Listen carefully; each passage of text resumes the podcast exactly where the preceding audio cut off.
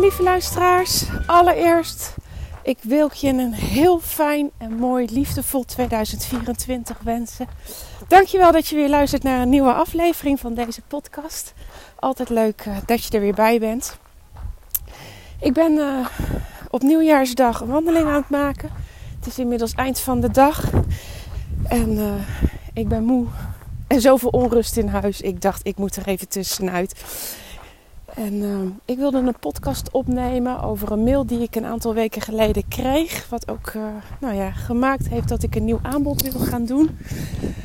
Of je ook gewoon gaat doen. Die, dat, die beslissingen zo genomen. Alleen, ik maakte net even wat mee met onze jongste dochter. Waarvan ik dacht, oh, ik denk dat dit zo ontzettend interessant is voor mijn luisteraars van de podcast. Dat ik besloten heb om daar nu maar eerst even een podcast over te maken. Nou, wat was er aan de hand? Uh, onze jongste dochter, ze is zes. Die uh, was vanmiddag in slaap gevallen. We zaten lekker buiten. Uh, mocht je niet alle podcasts hiervoor hebben beluisterd. Ik, ik zit met mijn gezin en mijn schoonouders in Spanje. En nou, vandaag was een hele mooie zonnige dag. Dus wij hebben lekker buiten gezeten. En nou ja, zij was lekker op zo'n lichtstoel in slaap gevallen. Um, nou, dat is al de tweede keer deze week. Dus blijkbaar is ze niet helemaal fit. Niet helemaal lekker. Want ja, normaal gesproken is zij uh, een meisje wat eigenlijk prima de dag door kan komen. En zeker s'avonds uh, aan het eind van de, de dag eigenlijk juist opleeft. Het is ook geen kind dat we heel vroeg in bed hoeven te stoppen. Um, en die, nou ja, relatief goed kan slapen. Ik zal niet zeggen dat ze extreem lang kan slapen. Zo is het ook weer niet. Maar uh, ze is op zich wel een goede slaper. Maar ja, deze keer uh, was ze weer, weer in slaap gevallen. En uh, na een uur dacht ik, ja, weet je, ik vind het wel mooi. Want als ik je nu niet wakker maak, krijg ik je vanavond al helemaal niet meer in bed. Oeh, het windje steekt op. Nou, ik, ben, ik hoop dat ik zo meteen wel goed te verstaan ben. Uh, dus ik maakte haar wakker, wat al heel moeizaam ging. En uh, ja, toen, toen moest ze van mij ook gelijk even onder de douche.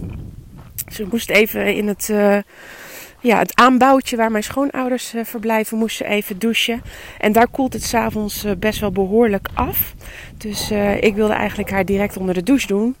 Zodat ze het niet zo heel erg koud zou krijgen. En ehm, nou ja, daar was, uh, was ze het eigenlijk gewoon helemaal niet mee eens. Dus ze was ook ontzettend boos dat ze van mij uh, ja, de douche in moest. Wilde niet mee, dus ik heb haar op dat moment... ik moet heel even kijken waar ik beland, want ik neem een andere weg. Oké, ik denk dat ik daar verder kan. Um, nou ja, ze wilde dus niet mee onder de douche. En uiteindelijk heb ik haar gewoon meegenomen en ik heb haar uiteindelijk ook onder de douche gezet, de haren gewassen. Nou, je, je kan je voorstellen dat ze enorm uh, boos was, enorm uh, aan het gillen en uh, lelijk tegen mij aan het doen en heel hard aan het huilen. En nou ja, in dit geval duurde het een kwartiertje. en toen had ik er gedoucht, gewassen, haren gewassen en kon ze weer lekker in haar op de bank zitten. Nou ja, je zal denken van, goh, leuk Eveline, waarom vertel je mij dit? Nou, omdat dit zo'n hele andere manier van handelen was, wat ik vandaag gedaan heb, dan wat ik vroeger deed toen onze oudste jong was. Um, nou, misschien ken jij het ook wel. Ik ken het ook. Er is uh, in de loop der jaren met elk kind uh, maak je dit mee. Dan zijn dat van die enorme, extreme boze buien. Waarbij er helemaal niks goed is. Of je nou A doet, dat is niet goed. Of je nou B doet, het is niet goed. Eigenlijk alles waar je voor kiest is per definitie niet goed. Herkenbaar?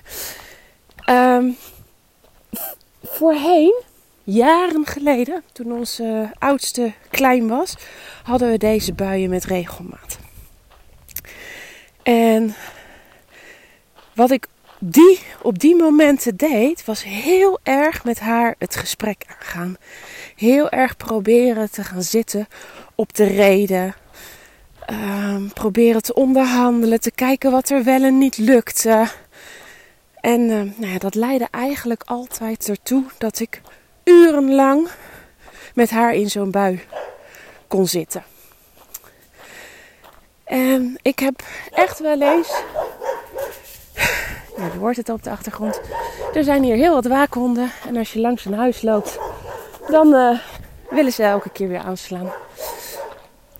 Maar ja, dat duurde, dat duurde gewoon soms echt uren. En um, ik, ja, ik, ik wilde niet vanuit ja, macht gaan handelen. Ik wilde niet vanuit um, ik bepaal en je doet maar nu gewoon. En tegen de, de wil van het kind in. Of tegen de.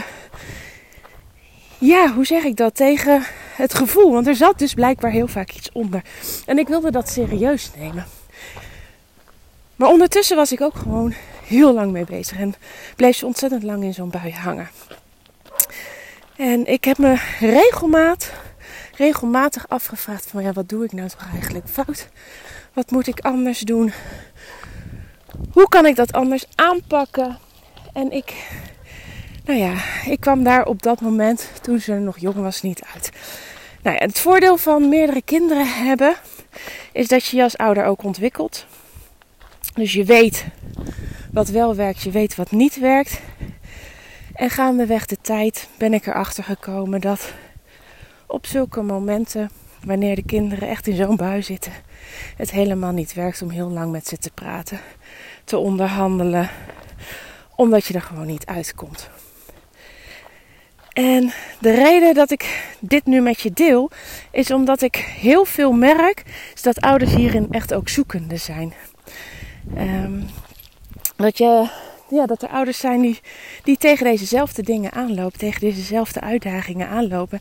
En um, ja, net zoals ik eigenlijk helemaal niet willen dat je vanuit macht en, en, en ja, bepalen um, ja, een kind maar tegen zijn zin in iets laat doen. Aan de andere kant wil je gewoon als ouder ook niet ellenlange strijd hebben die maar aanhoudt en die maar aanhoudt en die aanhoudt, waarbij je uiteindelijk helemaal niks voor elkaar krijgt. En wat ik geleerd heb in de afgelopen jaren, is dat het heel goed werkt om op deze momenten door te pakken omdat deze kinderen totaal niet voor reden vatbaar zitten. Ze zitten extreem in hun emoties. En wanneer kinderen in hun emoties zitten, dan zitten ze niet op de logica, maar compleet in hun gevoel. En dan kom je er met reden, met onderhandelen, met proberen te overtuigen, met uitleggen, kom je er niet. En um, ik weet inmiddels dat als ik hier op dit soort punten niet doorpak en niet duidelijk mijn grenzen stel, um, dat ik er gewoon niet uit ga komen. En nou ja, je kan aan de ene kant zeggen, ze, onze vierde heeft het voordeel dat ze de vierde is. Of het nadeel, dat kan ook zijn. Maar ik, ik pak op deze momenten veel sneller door. Ik ga veel sneller over tot handelen. Ik weet dat ze in zo'n bui zit. Ik probeer het in overleg. Lukt het niet, dan stop ik er direct mee. Um, dat wil niet zeggen dat ze dan precies alles moet doen zoals ik wil dat het gaat. Helemaal niet. Ik probeer nog steeds wel keuzemogelijkheden te geven. Maar op het moment dat het kind dan niet gaat kiezen, dan kies ik. En dat bedoel ik met mijn grenzen stellen. Ik wil heel erg veel mee meegaan. Ik wil daar ook echt wel eventjes voor ze zijn en duidelijk uh, hè, uh, ja, ze bij me pakken, omarmen, even knuffelen. Maar als ze dat niet willen, dan gaan we over tot de volgende handelingen. En dat betekent gewoon dat ze uh, mee moeten gaan werken. En um, als ze dat niet doen, wat ook prima is, dat ik het even tijdelijk van ze overneem. Nou, een heel concreet voorbeeld hiervan is: um, onze dochter wilde zich daar straks niet uitkleden. Dan zeg ik tegen haar: Oké, je mag nu kiezen. Of je trekt nu zelf je broek uit, of ik doe het.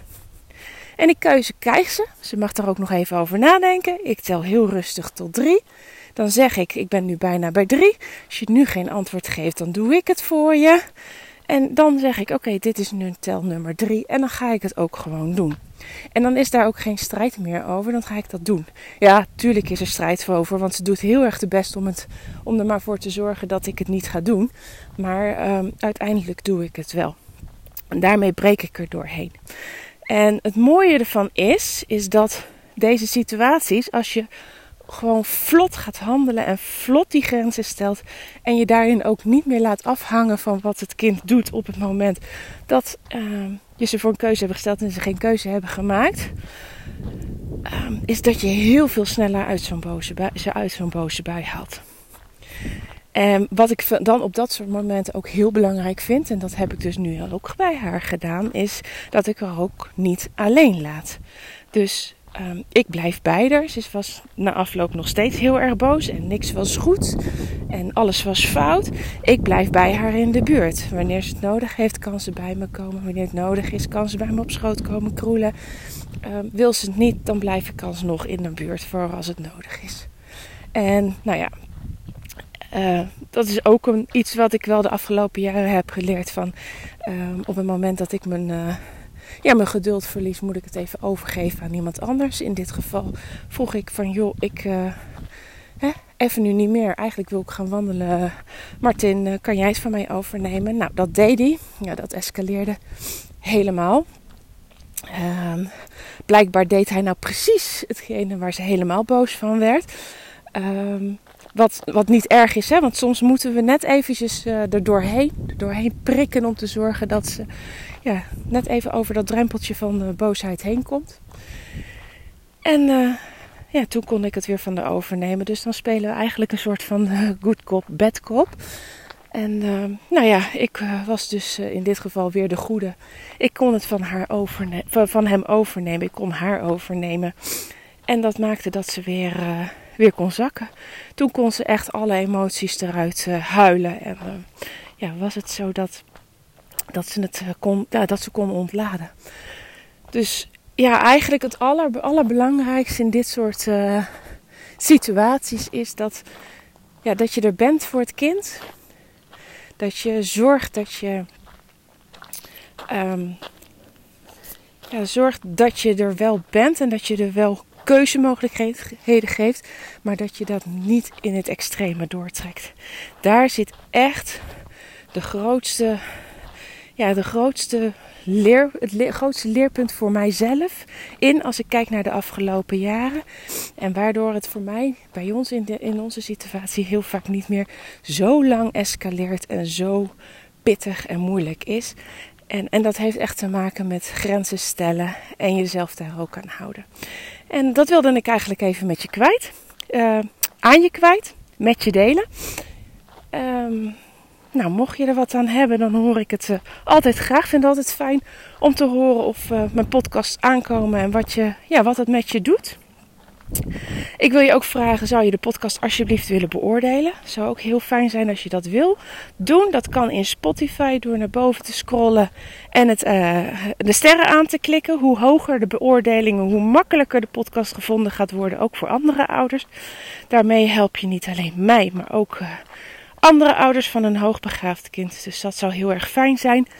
En uh, nou ja, dan ga ik het bij deze afsluiten. Dankjewel weer voor het luisteren en ik spreek je snel. Goedjes, doei doei.